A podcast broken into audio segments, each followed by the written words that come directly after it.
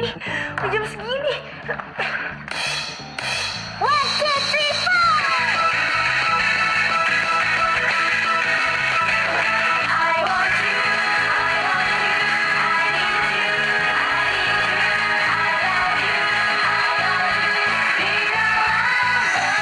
Selamat datang kembali di podcast Kertas Kuning Sebuah catatan suara dari Fatir Kasra Udah lama nih gue nggak buka podcast ini Mungkin hampir berbulan-bulan lah ya Bukan hampir emang berbulan-bulan Dari sebelum puasa lah terakhir kalau nggak salah Cuman Iya Kayak gue mau bereksperimen aja nih di episode-episode baru ke depannya Udah lama juga nggak beropini, tidak mengobrol dengan lawan bicara.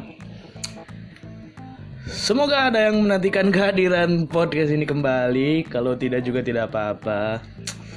Ya kita bikin apa yang kita suka aja ya kan. Gue suka bacot, gue suka beropini, gue suka ngobrol.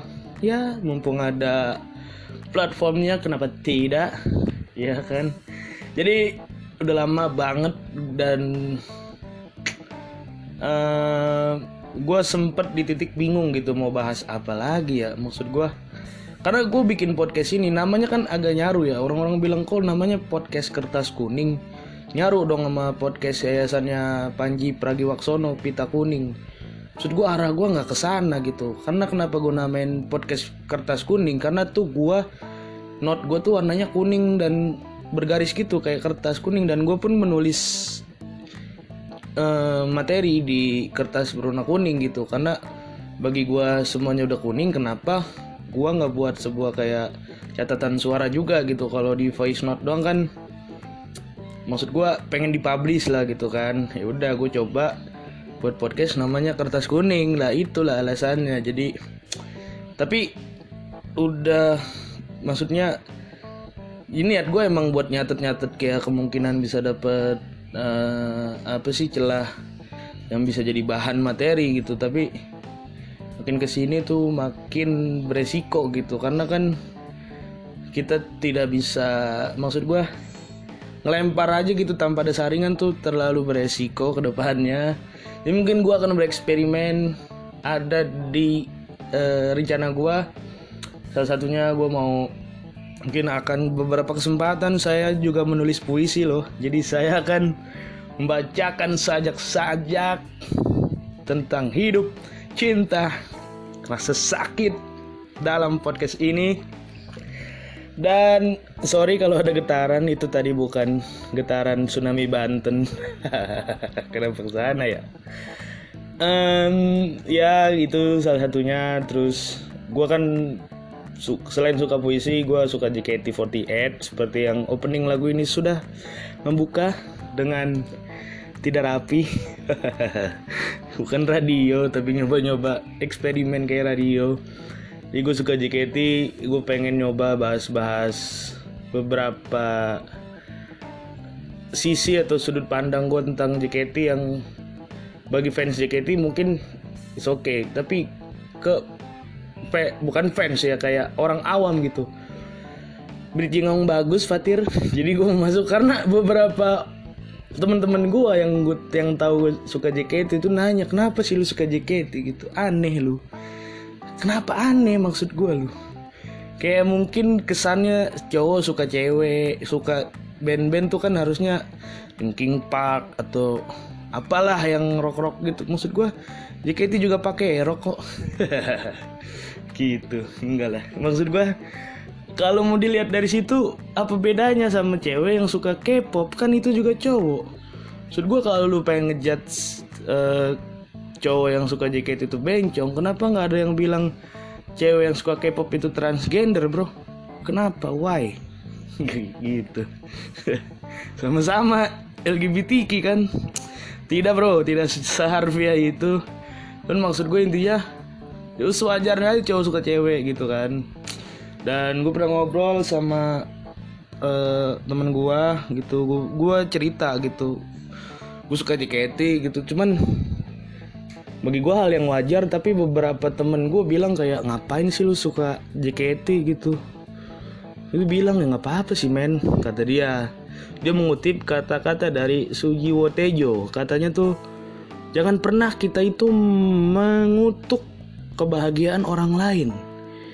Ini mungkin bagi sebagian orang sesuatu yang disukain orang lain itu freak atau cringe. Cuman bagi orang itu ya mungkin bagi seorang yang suka itu itu merupakan sumber kebahagiaannya gitu. Kayak kan ada orang yang suka atau hobi melihara burung dan dia keluar ratusan juta buat burung it's okay. Maksud gua mungkin itu sumber kebahagiaannya. Atau ada orang yang suka koleksi action figure habis beratus-ratus juta juga untuk koleksinya it's okay mungkin itu bahagianya. Atau mungkin fans K-pop yang sangat mencintai idola-idolanya. Walaupun gua nggak tahu kenapa harus lu harus suka K-pop. Itu jauh men maksud gua. Kalau gue suka JKT itu bisa ditemuin masih di Indonesia. Walaupun konteksnya dua-duanya sama-sama beresiko atau memang punya peluang halusinasi tingkat tinggi yang menjadikan idola kita sebagai pasangan. Kalau JKT masih bisa dijangkau kan masih Indonesia ini Korea jauh-jauh. Lu ngebayangin dia jadi pasangan. Maksud gua daripada lu suka K-pop mending suka pedal pop. Masih bisa diemut ya kan? Walaupun kecil juga ya kan? Kalau K-pop jauh banget bro maksud gua. Tapi oke okay. tidak apa-apa juga karena baik lagi kita tidak boleh mengutuk kebahagiaan orang lain. Eh iya banyak ditanya gue kenapa lu suka JKT gitu. Eh, mungkin terdengar klasik atau eh maksud gua ngapain sih alasannya gitu? Tuh mah kamuflase aja. Lagunya memotivasi anjing kata gue. Tapi ada benernya gitu. Dan gue heran juga gitu. Sebagian teman-teman gua yang apalagi yang udah mental blocking ya yang kayak ih apaan sih JKT JKT lagunya nggak enak apa segala macem. Itu gua sodorin gitu eh dengerin nih enak nih lagunya.